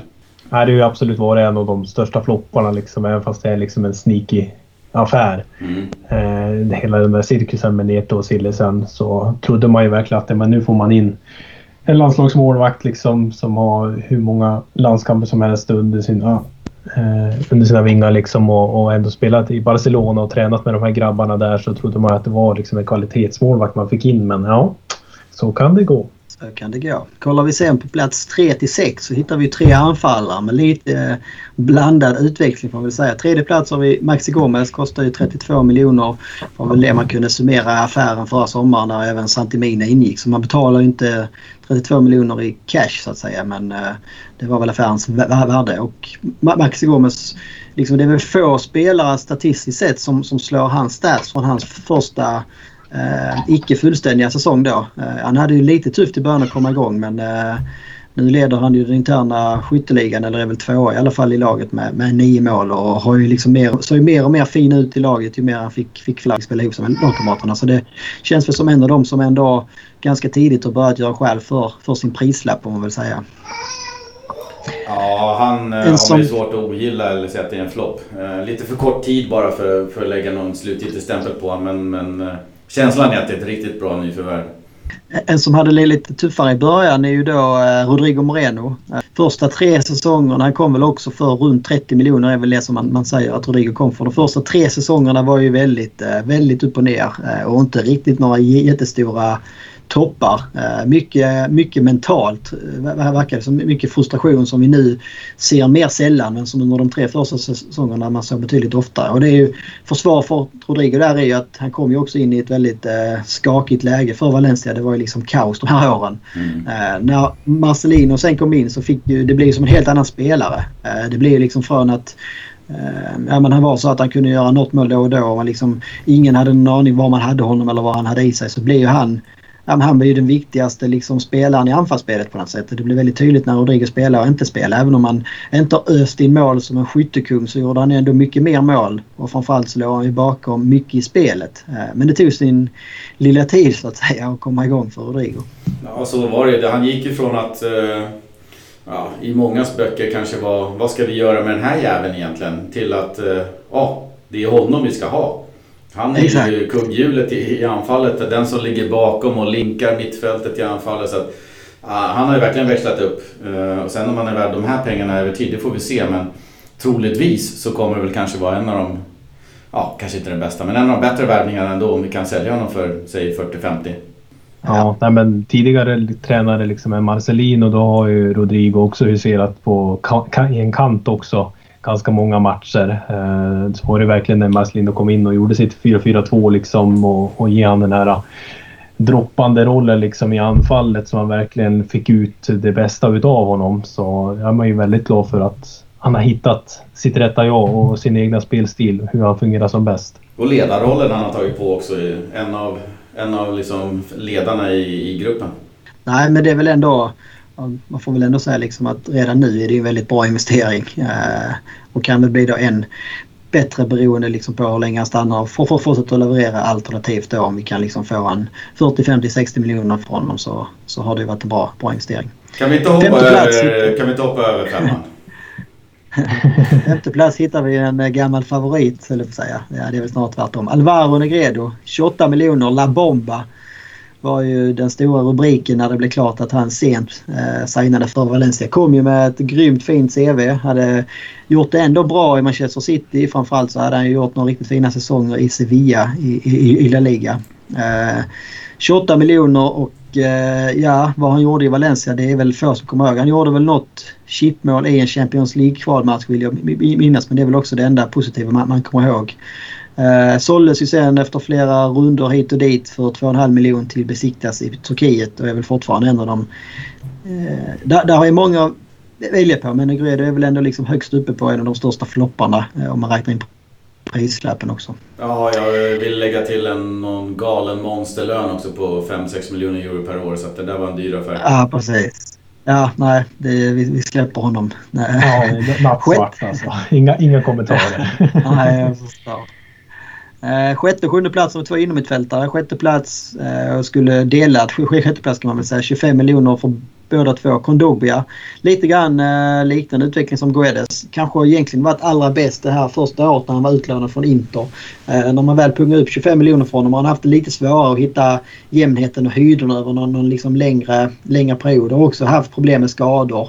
Eh, så det är väl också lite så svårt att veta var man har honom. I sina bästa stunder så är han ju liksom, tycker jag, en av lagets viktigaste spelare. För att mm. han är han, är, han, han, kan ju vara den här tvåvägs mittfältaren också. Han är liksom inte bara det här äh, defensiva djuret eh, som han är väldigt bra med sina långa ben och fysiken. Utan han kan ju också eh, faktiskt kunna vara ganska behjälplig i offensiven. Men ja, 25 miljoner liksom ändå sjätte dyraste nyförvärvet i Valencia. Det, han kanske inte riktigt levt upp till även om han är långt ifrån en flopp i mina ögon i alla fall. Ja, och långt ifrån klar också hoppas vi. Ja, precis. Men jag håller med. En, inom ett fältare som vi väl mer får kalla flopp då är ju Enzo Perez. Eh, kom ju också till laget som en, eh, ja, som en firad stjärna och skulle vara liksom vara nä, nästa lagkapten och eh, den som liksom vi skulle bygga spelet och laget omkring. Eh, kom ju efter att ha spelat VM-final med Argentina 2014. Eh, men det blev ett väldigt, ja, väldigt grå, eh, grå period i Valencia får man väl säga. Eh, det var ju liksom inte så att han kanske är på eh, Negredo-nivå eh, floppmässigt. Han spelar ändå en hel del men han fick ju aldrig till det och blev aldrig någon ledare och lyfte ju aldrig laget på något sätt. Eh, så det är ju pengamässigt var det ju bortkastade 25 miljoner och vi fick väl 2,5 miljoner tillbaka tror jag när man skickade honom till River Plate eh, för något år sedan. Man måste ju ge honom att han ändå visste hur man tog ett kort i alla fall. Ja. Ja, tänkte precis säga det. kort kunde han ta i alla fall. Nej, men han kom ju som högaktad liksom. Hade gjort det superbra. Det var i Benfica va? Som han lirade i Portugal. Om man minns rätt. Så då, då trodde man ju verkligen att man skulle få in en, en klassspelare. Men eh, han det var väldigt liksom lagom. jag gjorde varken liksom någonting framåt, någonting bakåt. Liksom var ganska loj. Liksom, så vi inte ute och kämpade riktigt och tog sina kort. Så äh, riktig flopp. Också i en tuff period i Valencia. Men, men levererade ju på ett annat sätt äh, än äh, Eh, Negredo till exempel och någon annan som jag ser kommer lite senare här på listan. Så att, eh, inte det värsta floppen, men, men eh, för 25 miljoner euro back in the days tänkte jag säga. Men i alla fall, en, vad var det, 5-7 år sedan så absolut en flopp. Ja, spelar man bredvid Mario Suarez också så förstår jag att det kan vara tufft ibland, men ändå. Åttonde plats då, det är kanske lite grann eh, en spelare som, eh, eller åsikterna om den här spelaren kanske kan lite grann eh, sticka ögonen på en del. Där hittar vi Joaquin, kostar också 25 miljoner från Betis. Och det är, det är väl ganska självklart för alla att Joaquin har ju liksom en mer lyckad session och har bidragit med mer i Valencia än till exempel Legredo och Enzo Perez. Så han har också en titel här Copa del Rey 2008 med under Koman. Men man får också komma ihåg liksom att 25 miljoner på den tiden och de förväntningarna som fanns på Joaquin att han skulle liksom vara... Ja men egentligen skulle han ju vara stjärnan och skulle liksom vara det här eh, tungen på vågen i det här stjärnfyllda laget som fanns. Eh, och riktigt, riktigt, riktigt så mycket, mycket flög han aldrig i Valencia tyvärr. Eh, sen är det en personlighet som, som man älskar vilket också gör att man nog har lite så överromantisk bild över Joaquins tid i Valencia. Eh, långt ifrån en flopp men heller liksom inte alls eh, någon spelare som levde upp till de förväntningarna som fanns. Och det måste komma ihåg att de förväntningarna var ju också skyhöga. Så att, eh, eh, det, det, kan också ha gjort liksom att han har ju lyckats som bäst hemma i sitt älskade Betis. Eh, där liksom förväntningarna är höga men eh, det är också eh, ja, men en annan miljö att kunna leverera i än att komma som en stjärna till Valencia och eh, mer vara den här, eh, vad ska man säga, legosoldaten på, på något vis. Ja, jag tycker du har en klockren beskrivning av hans karriär och vistelse i Valencia. Eh, kan vi summera det med att jag, jag håller honom väldigt högt som person, människa och spelare. Eh, han, får, han får hamna mittemellan på en sån här lista. Om man ja. liksom ser till gärningarna vad han gjorde i Valencia och prislappen så det är klart det går att önska mycket mer eller en del mer men, men eh, hatten av för en eh, fantastisk karriär. Och det var väl inte i Valencia han var ämnad att, att sluta sin karriär eller så. Det var väl ett mellansteg. Och det var ju Betis han skulle lyfta. Eller ja, lyfta och avsluta åtminstone. Ja, nej men det, det kändes ju, det, det som är lite spännande med Joaquins karriär, att det kändes ju liksom som att den var typ slut eller var på väg liksom att, att ta slut när som helst när han lämnade Valencia för Malaga var, var det väl han mellanlandade i där mm. under deras glansår. Eh, men han, eh, han är fortfarande igång och gör viktiga mål än så att eh, han, han håller i fint i alla fall den här gode Joaquin. Ja, han var väl en vända i Fiorentina också innan han vände hem där till Betis också. Ja, just det. Just det. Känslan är att han skulle ha varit en one club man alltså i Betis. Ja, frågan är liksom om man själv också känner det att det har ju aldrig riktigt flugit på samma sätt utanför utanför de grönvita delarna av Sevilla heller på något sätt. Så man kan undra om han liksom ångrar det på något sätt. Sen så, samtidigt så känns det väl som att eh, kärleken från Betis-fansen, det kan väl omöjligt ha varit större än vad den ändå är på något sätt. Nej, så ändå, det är aldrig, det är aldrig någon, någon, någon av dem som har sett honom som en svikare kanske utan det var väl mer för sin egen skull. Och det hade varit fint att ha några fler sådana historieböckerna kanske. Sen blir det intressant här, 9-10. 9-10, ja de är ganska olika spelartyper. Nionde plats har vi eh, en spelare som vi snackat mycket om idag, Garay. Kom för 24 miljoner, kom ju till ett Valencia som liksom var väl på slutperioden liksom av det här lilla kaoset. Börja liksom bli börja, ja men det börjar bli bättre. Eh, om jag inte minns fel så kom han väl också lite grann in och skulle ersätta Eh, tappar jag vem namnet var han skulle ersätta. Eh, så han hade väl också en ganska tuff start. Där det mycket kanske då berodde på att det var väldigt stormigt i laget. Eh, framförallt sen, sen Marcelino kom in så blev Garay den tydliga ledaren och styrde ut försvaret bra. De sista säsongerna, sista två, tre säsongerna så har han ju varit liksom chefen i backlinjen.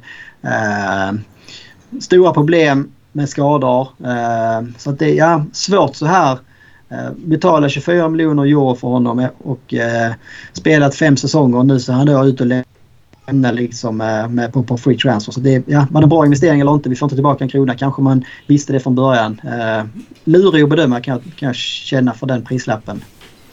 Ja, jag kan tycka att eh, om han kom, eller han kom ju för 24, men om han lämnar för noll efter inte supermånga år så, så blir det ju det blir negativ klang kring hans vistelse och slutsummering så i klubben. Men det han har presterat på planen och den människan han har varit så, så har jag varma känslor för, för, för honom. Men det har ju kostat väldigt, väldigt mycket att ha Garay inne i och med att han har spelat ganska så få matcher ändå. Och, eh, mm. och så. Men, men, men viktig spelare när han har spelat absolut. Duktig back, eh, gillar honom men eh, det har kostat lite mer än vad det har smakat. Nummer 10 då? Sist. Ska vi inte hoppa ja, över den också? ja, det, nummer 10 är väl, eh, ja men det kanske vi kan utnämna ikväll att det är väl en, en av de absolut, om inte det största liksom, misstaget i Valencias värvarhistoria totalt sett. Man betalar 22 miljoner euro för denna spelaren.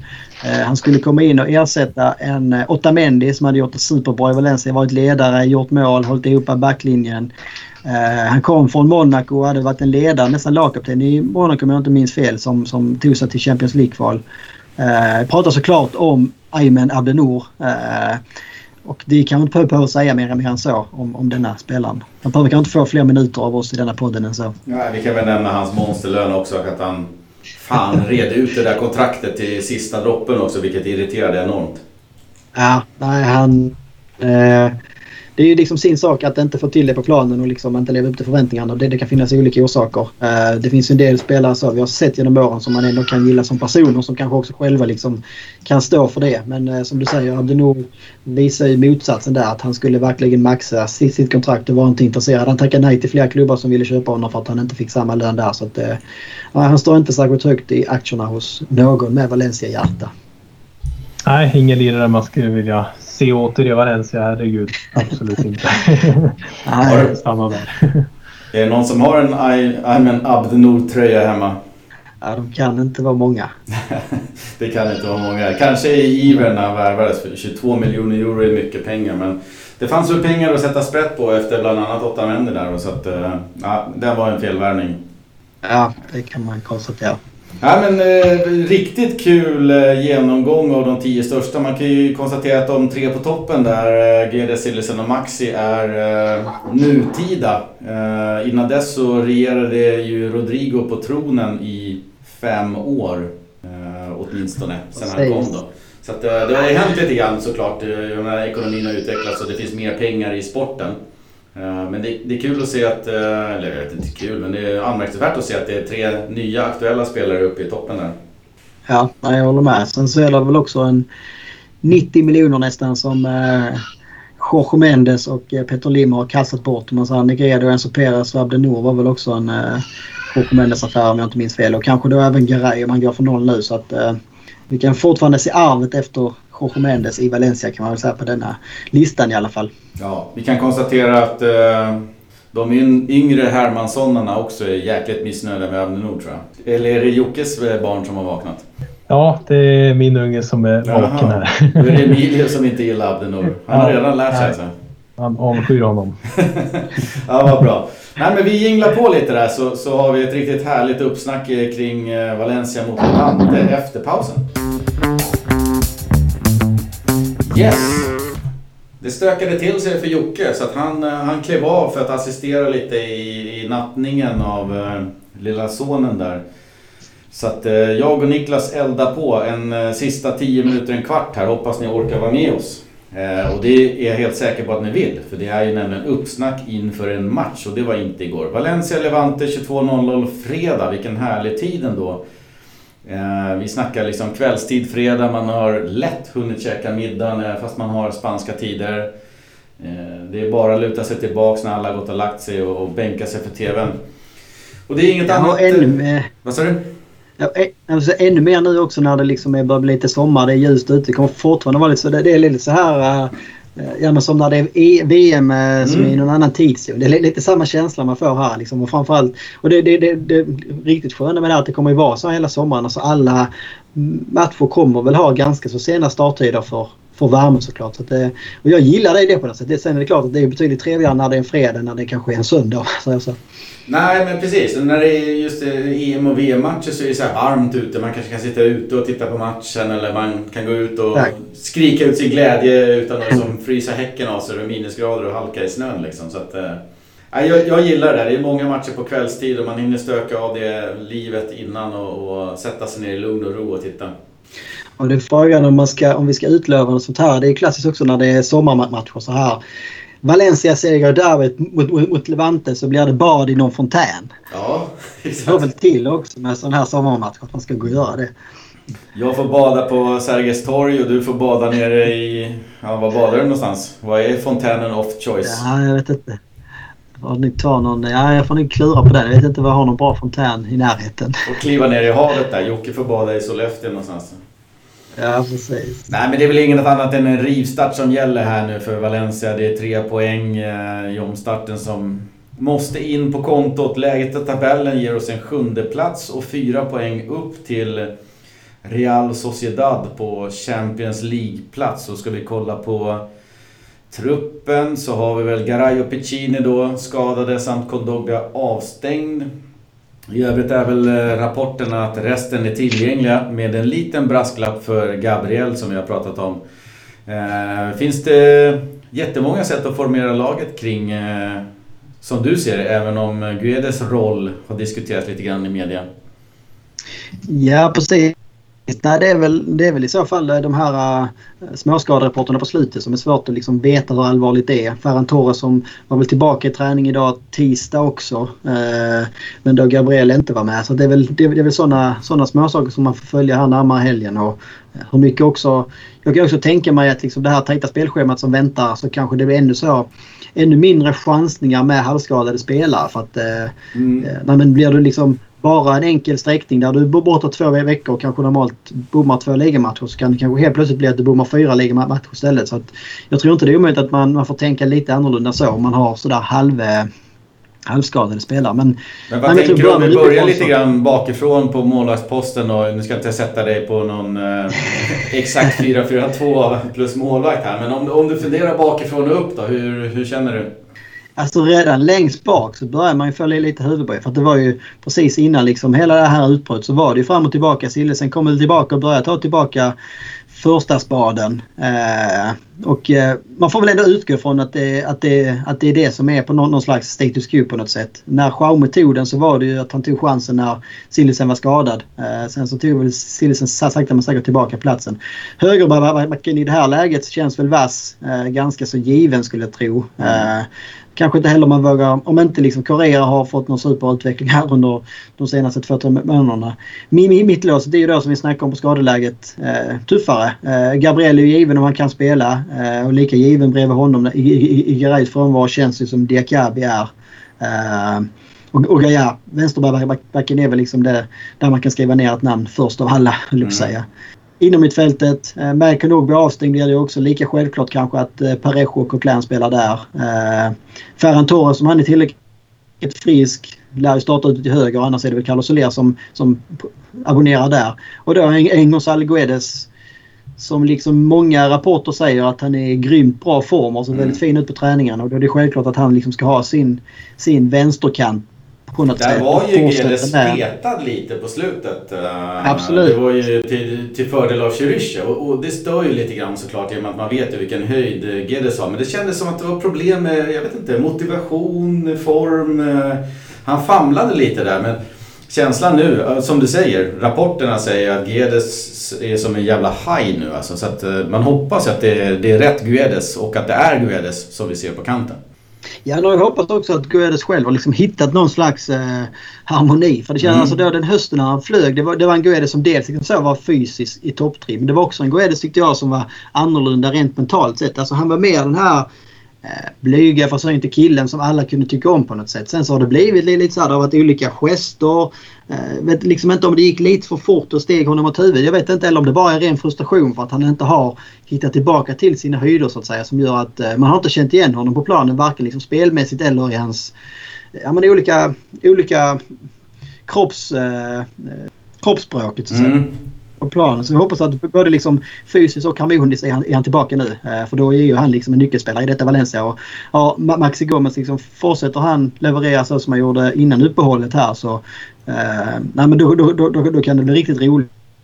För att då ser du en offensivt väldigt spännande ut där vi har i stort sett alla, alla spelare tillgängliga. Ja, vi har väl egentligen tre forwards här uppe med Gamero, Rodrigo och Maxi som alla på något sätt har mm, liksom, rättighet att göra anspråk på en startplats. Men jag ser ju ändå Rodrigo och Maxi som de två som ska starta om, om alla är friska. Ja, nej, jag håller med. Sen så kommer det väl också bli än mer denna sommaren även om man kanske kommer vara trött på att säga just den raden. Men ännu viktigare med rotationer. Det kommer mm. liksom, alla spelare i truppen kommer liksom bli viktiga nu. Det, normalt sett hade liksom den här säsongen avslutats på ett normalt sätt så hade Valencia bara haft ligan kvar. Då kunde du nästan i stort sett kört samma elva om och om igen.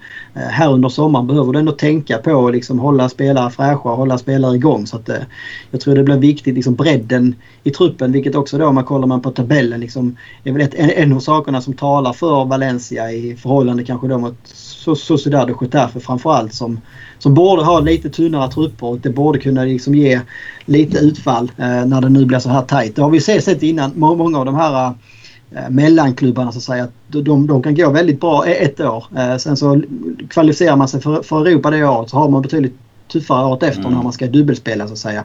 Nu blir det ju en sommar med väldigt tajt matchande som dels har de kanske inte trupp för det och dels är man inte riktigt van vid det heller. Eh, mm. Men alltså, kollar, man, eh, kollar man här de andra lagen som är i fighterna om, om eh, topplatserna. Sevilla, Atletico Valencia. Där har liksom spelare och trupper som är väldigt vana vid det här och spela så varannan var, var tredje dag på något sätt. Så det är väl en förhoppning också om vi liksom zoomar utifrån det här med startelvan att, som, som ligger liksom med, med fördel för, för Valencia där tror jag. Ja, och jag vi, vi skrev ner två saker här eh, eh, på körschemat. Att ingenting tyder väl på att man frångår 4-4-2 och den har vi väl nästan svarat på. Så jag bakar in eh, fråga nummer två i, i samma så att säga, så då får du svara på båda. Den stora nöten att knäcka för Celades, det blir ju defensiven med Garay borta. 39 insläppta på 27 matcher, lägg där till 13 bakåt på bara de fem sista tävlingsmatcherna. Så att defensiven har ju varit lite uppe för, för, för diskussion. Eh, dessutom om, om vi slänger till en, en Gabriel som eventuellt är skadad. Så att, eh, där är ju frågan vad Celades hittar på. Nu, nu pratar vi inte bara om två mittbackar som, stå, som står för allt det defensiva utan det är, ett, det är ett helt lag som försvarar såklart. Men vad, vad tänker du kring, kring, eh, kring de bitarna? Nej men det, alltså, jag håller helt med analysen. Det är ju det är, liksom, det är ju ingen nöt heller som har löst sig själv antagligen under det här uppehållet. Att man, det man får hoppas är väl att man har suttit och analyserat de här typen, ja men de, framförallt kanske de fem senaste för det var ju liksom en, en negativ trend som började kanske redan alltså ganska tidigt när Celades kom in så såg man att vi släppte in mer mål men eh, då, då, då, då kunde man ändå säga att vi också gjorde lite fler mål så att så länge du ändå vinner matcher så sminkar du över det. Mm. Eh, men det blir ju intressant att se alltså, vilken analys som, som Celades och hans tränarstab har gjort och om vi kommer att se någon förändring här eh, redan på fredag. Eh, det blir liksom inte enklare för dem när han inte kan eh, sätta upp en backlinje exakt så som han vill. Eh, det skulle också kunna bli alltså eh, Kollar man på hela laget och det är uppsatt så är det klart att det, det gynnar liksom inte att ha både Ferran Torres och en Gonzalo Guedes såklart eftersom att du har två väldigt offensiva yttrar då. Mm. Det var ju det som vi i fjol kunde se när, när Gonzalo Guedes flög så var det ju mycket så man kunde snacka om att man hade balans på kanterna. För då hade du en Carlos Soler på andra kanten som liksom kunde ta ett lite mer defensivt ansvar på något sätt. Och så kunde man släppa mer vänsterkanten och så kunde man liksom få till det på det sättet. Uh, så jag tror mittfältet också kommer att bli viktigt i det defensiva spelet och också börjar ju ofta, hela försvarsspelet börjar ju ofta längst fram. Mm. Eh, du behöver liksom få, få, få igång Maxi och Rodrigo att synka i pressspelet. Jag tycker ibland kunde man se redan där att visst var och en för sig kunde springa och uh, spela presspel men det, det, var inte särskilt synkat. Uh, inte liksom synkat med lagdelarna heller på, på något sätt. Så det är väl, det är väl sådana sådana grejer som, som kan vara så intressant att hålla lite koll på på fredag om man ser någon skillnad där i presspel och det defensiva spelet. Men eh, det är, det är liksom uppenbart att det här snittet som man hade på slutet, 39 insläppta på 27 matcher, så eh, ska man liksom göra den här klättringen i tabellen så kommer man ju inte ha råd att ha samma, samma snitt eh, defensivt sett. Nej, då måste ju Maxi vara fullständig glödhet. Uh, ja, och, och Rodrigo bidrar med mer än de två baljorna som han har gjort i år. Men ja. eh, om vi kikar vidare då. Vi har ju en... Eh, dels så har vi en eh, Mestalla utan publik. Det kommer förvisso vara en massa halsdukar, vilket jag kan tycka är en jäkligt härlig gest från klubben. Att man låter fansen hänga upp halsdukar på stolarna och så vidare för att visa lite närvaro. Eh, men vilken betydelse har det liksom ur Valencia-ögon? Eh, det är klart att Mestalla med publik är ju en fördel. Ja, men så är det nog. Sen så är det frågan alltså just i ett sånt här derby också. Alltså, kan tänka mig för lilla Levante, liksom, alltså lillebror i Valencia, att det är väl en av deras roligaste bortamatcher eller matcher överlag på hela säsongen. Komma till Mestalla och kunna liksom tysta Mestalla mm. på, på, på något vis. Jag kan tänka mig att det också blir, blir, blir en trigger för kanske framförallt för Levante på något sätt. Och nu, nu, nu, finns inte den faktorn längre. Nu blir det liksom väldigt så här... Det är tyst från början. Ja men precis. Uh, så att... Ja sen det är klart alltså samtidigt i andra vågskålen så har man ju att Valencia-spelarna liksom ofta lägger fram det här att när, när, när Mestalla är bra, när Mestalla liksom är, är, är, på topp och det kokar där, då vibrerar det. Liksom. Alltså det, det lyfter spelarna självklart. Så att, eh, ja, alltså, rent krasst så är det så här.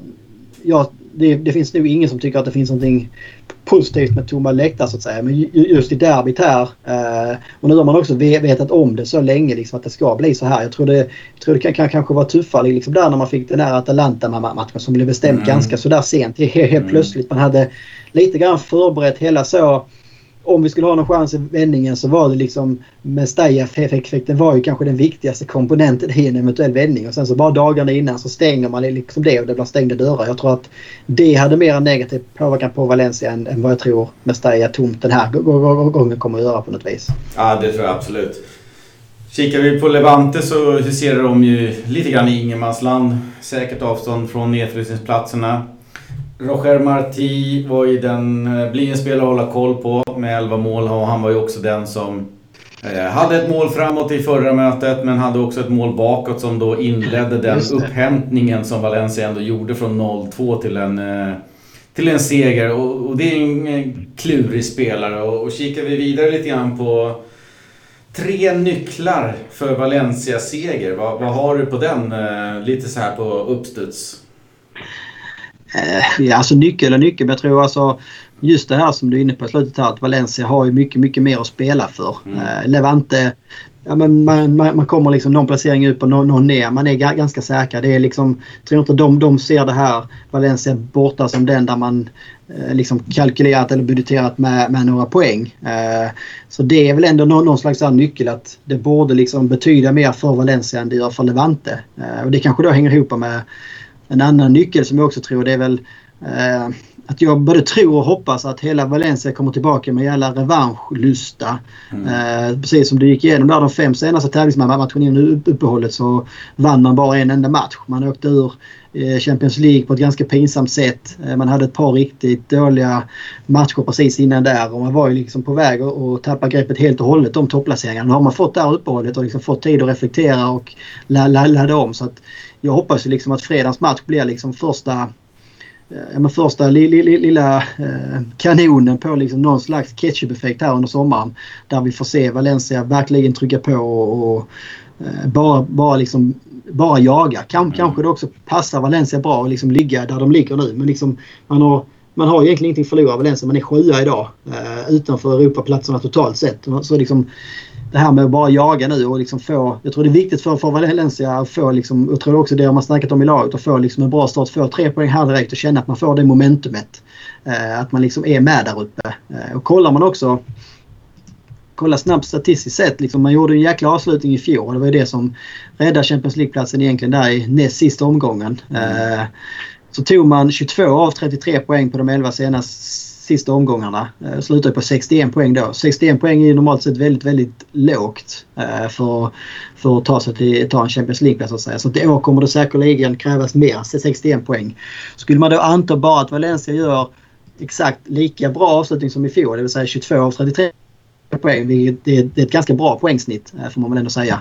Så skulle man hamna på 64, vilket då är, ja det kommer nog vara precis det kommer räcka. Så mest troligt kommer man liksom behöva göra en mer galen avslutning i år än vad man gjorde i fjol. Eh, det som är tur är att det är ganska tajt ovanför Valencia. Det är många, det är tre... Eh, Sevilla, Sociedad, Getafe, Atletico Madrid som är ovanför. Där kan man ju tycka att det är lite trist att liksom Atletico inte liksom har redan ja. dragit iväg och, och säkrat tredjeplatsen. Men, men det är många lag man ska slå också, utöver Atletico. Tack. Nej men det är ju alltså. Jag tror Levante hemma är ju liksom inte en match som du då har råd att tappa poäng i om man ska, liksom, ska summera så. så. Kollar man avslutningsvis så tror jag man har fem hemmamatcher. Levante, Osasuna, Bilbao, Valladolid och Espanyol. Och alla de fem måste ju nästan budgeteras in tre poäng. Då har du 15 mm. poäng där. Sen har du man säger, Eibar, Granada, Leganes borta. Ja men det behöver du nu också räkna in eh, tre poäng så att säga. Då har du 24 poäng där. Sen blir det alltid någon av de här som du kommer att tappa i. Sen har du då Real och Sevilla borta som är betydligt liksom, tuffare bortamatcher. Det är kanske där som du då istället vill budgetera in något poängtapp om man säger så. Eh, Kanske är det Real just man ska möta borta utan publik. Ja, precis. Och nu spelar de ju också på Valdebas eh, träningsanläggningen där. Exakt. Så att, eh, det blir intressant att se intressant att se liksom hur de själva hanterar det. Eh, om det är något... Och hur de är ju fortfarande alla... ja, precis. Nej, men de, de, du vet inte hur sent den ligger men de är ju i allra högsta grad liksom eh, med i ett guldrace. Eh, och det vet vi klart inte hur det kommer att se ut då när, när, vi väl åker till, till Madrid och ska ta oss an dem. Eh, men det är ju som du säger. Det är, liksom Nej, det är nästa omgång. Det är på torsdag. Ja det är det ju. Just det. Ja. Det är det jag menar. Att det, det, det är kanske bra läge för att möta Real borta. Eh, just i och med att vi inte har någon publik och, och inte kan pressa domaren på samma sätt och så vidare. Nej, men det, det är ju liksom... Det är väl också en ytterligare anledning till att det vore väldigt, väldigt skönt med tre poäng mot det var inte så att säga. Så säg du får ett kryss eller liksom worst case att vi förlorar mot Levante. Nästa match i det här liksom racet är Real borta. Ja men vill det sig illa liksom då så bommar du där också står kanske på en poäng för de två första. Ja men då, då, då kan ju racet nästa kännas ja. uppgivet redan efter två omgångar. Liksom. Då, då, då blir det en väldigt lång och tråkig sommar. Så att, eh, nej, nej, tre poäng mot... Det kan ju nästan göra att det i stort sett är kört. Om, om Sevilla och Sociedad vinner sina matcher då, ja. då, är det ju då är det motvind alltså. Ja, men en tredje grej som jag ser för Valencia seger, om inte om det är nyckel, det är väl också mm. Historiskt sett har ju Valencia, alltså man har ett ganska enkelt för Levante, eller enkelt och enkelt men man, man, man, man har väldigt sällan förlorat ett derby. Jag kan liksom inte komma ihåg knappt att man har förlorat ett derby mot Levante som har betytt något. Eh, man har väl tappat poäng någon gång då och då men generellt sett så brukar man vinna de här derbyna. Det brukar, historiken brukar ändå betyda någonting när, när du väl kommer ut på planen också så att jag hoppas att det kommer göra det på, på fredag också. Ja, vi hade någon 2-2 tror jag förra säsongen på eh, deras arena som, som var lite jobbig. Men, men, men det är som du säger, alltså det finns ju ett eh, storebrorskomplex där som, som, eh, som det går att utnyttja och som Valencia verkligen har utnyttjat också. Ja. Så är det. Äntligen lite fotboll. Så att jag ut, utgår ifrån att alla bänkar sig 22.00 på fredag. Så får vi köra lite live-Twitter kanske. Den, den var ganska populär på slutet där. Det var många som hängde med oss och surrade lite kring Valencia-poddens eh, Twitterkonto. Eh, ja, men det, borde finnas ett sug efter det nu när man eh, liksom... Mycket sånt som har legat nere länge och mycket så här risk för övertändning på eh, många sätt och vis när äntligen drar igång igen. Ja. Ska vi runda av det här så kan vi ju säga att nästa vecka så ser vi fram emot eh, torsdagsmatchen mot Real. Eh, så vi har ju ett veckoavsnitt att komma ut med innan dess. Eh, jag antar att vi siktar på att spela in tisdag igen så kanske vi kan komma, in, komma ut på tisdag kväll eller onsdag och då hinner ni lyssna på det innan dess. Eh, sen blir det nog lite härligt eh, snack med nersnack av Valencia-matchen, uppsnack eh, Real-matchen och jag tror också att liksom Alltså de riktiga nyheterna kanske kommer igång kring klubben nu när säsongen är igång. Det är mycket, mycket soppa på en spik så här eh, innan det inte finns någonting. Så här. Ja, no, lite grann liksom kunna se eh, se tendenser om det, vi ser några stora skillnader här nu efter det här. Det blir väldigt speciellt. Det blir ju alltså, mm. lika långt uppehåll som över en, eh, en sommar. Liksom. Eh, mm. Eh, vad har liksom hänt i laget? Vilka spel, alltså, många sådana spännande analyser som man nu kan göra efter fredagsmatchen. Vilka spelare ser liksom eh, pigga och, och härliga ut och vilka ser trötta ut? Och hur ser vi några skillnader på Solades liksom, taktik och spelmässigt i stort? Och var det ringrostigt eller var det inte ringrostigt? Alltså det, nej, det blir många många spännande upplägg för analyser och utlägg. Jag är jäkligt sugen på att se Guedes liksom. Jag har hört... Ja. Jag har läst lite grann så att han, han ser riktigt vass ut. Och han, det är den gamla Guedes vi ser nu. Eller om man nu ska säga gamla, han är ju väldigt ung då. Men låne-Guedes ja, vi ser. Så att det, eh, det ska bli ja. riktigt härligt att se om det stämmer. Ja, nej verkligen. Men vi kan väl göra så här. Vi, vi har ju en liten eh, scorecast som jag vet inte... Den känns, den känns jobbig just nu. Jag vet inte hur vi har ställningen. Det, det fanns lite protester kring poänger där och så vidare. Så att vi kör så här. Alla är vinnare. Vi vet att Lasse vann den första omgången och så vidare. Jag och Niklas låg väl halvdan till. Den här säsongen, ja, det låg... Det gick sådär med, med räkningen av poängen. Det var svårt. Men kom allihopa nu med tips på en tävling. Finns det någon plattform? Finns det något, någon liksom, något ställe där vi kan ha en bra tävling? Och på vad? Det behöver inte vara just en scorecast med, med resultat och målgörare. Det kan finnas någon annan typ av tävling. Vi hade någon sån här... Jag kommer inte ihåg vad den sajten hette. Koppa någonting som vi hade under något VM med alla vi valencianistar. Finns det något liknande? Fine, kom in med de tipsen. Vi utlyser en liten uh, tävling, är väl att överdriva, men kom in med tips på olika tävlingsformer så, så får ni fortsätta höra oss tippa resultat och annat eller vad det nu blir. Så, så fortsätter vi nu med att tippa resultat tills vidare. Vad, vad tror du om matchen? Jag, tror, jag tror ändå det blir en urladdning. Jag tror eh, 4-1 eller 4-2 i frågan. Jag säger 4-1 att vi har fått li, li, lite ordning på det defensiven. Jag, eh, Jag skulle nog... Eh, fan, 2-1 lät ju bra. Eh, jag tänker att det, det spårar ut lite mer då. Vi, vi säger eh, 3-2 till Valencia. Det känns Ja. som att det finns möjligheter att tappa in bollar med backlinjen. Men det finns också bra möjligheter att liksom till slut vrida det åt rätt håll. Så jag säger 3-2. Eh, och samtidigt så... Vi pratade om det innan. Det var din idé Niklas. Eh, våran ja, så kallade logga. Med en bild på. Mestalla, den här vita som ni ser när ni lyssnar på podden. Ja men den är ju vacker liksom så. Men är det någon där ute som är lite konstnärligt lagd, någon som har tagit någon fantastisk bild eller någonting. Eller kan skapa en bild av Valencia, Mestalla eller någon ikon i klubben eller whatever. Så, så vi tar tacksamt emot eh, bilder för att eh, profilera om oss och få en eh, ny bild utåt på podden.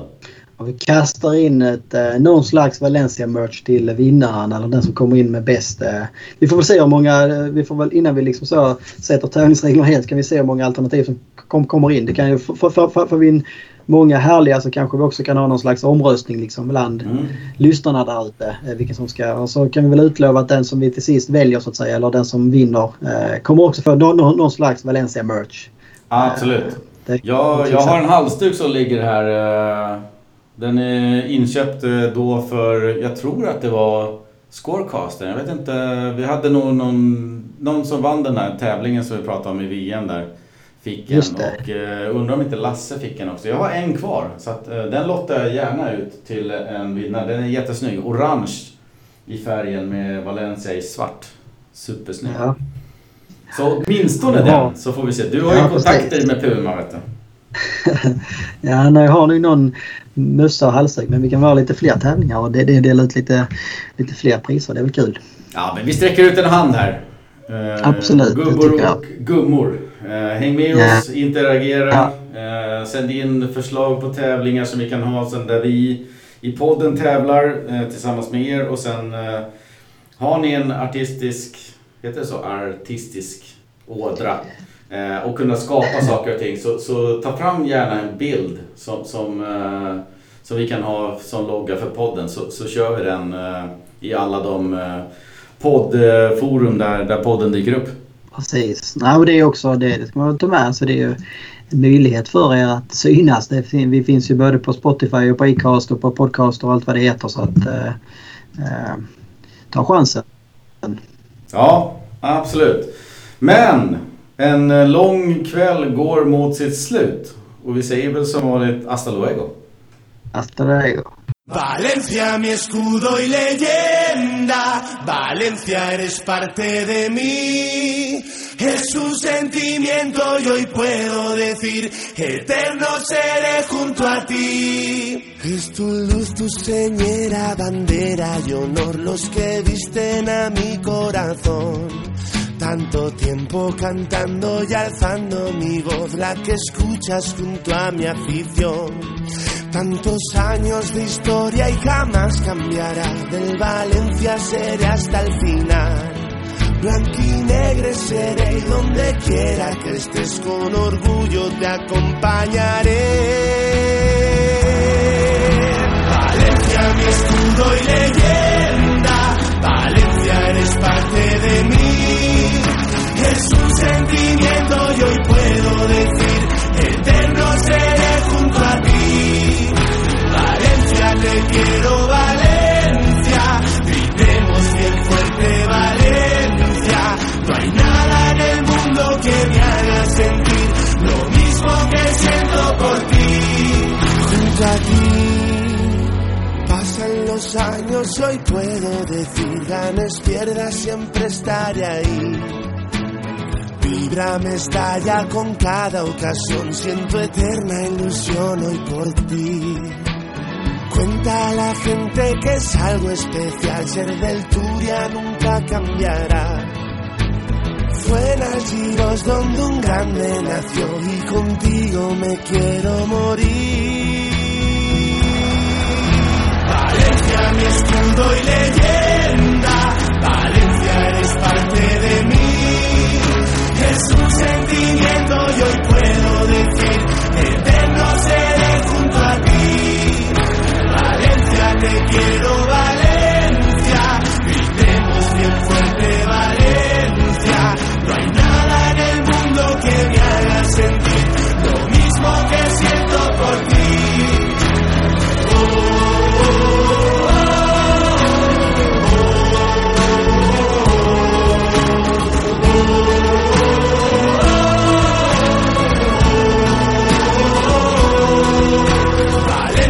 escudo y leyenda, Valencia eres parte de mí. Es un sentimiento y hoy puedo decir que eterno seré junto a ti. Valencia, te quiero, Valencia.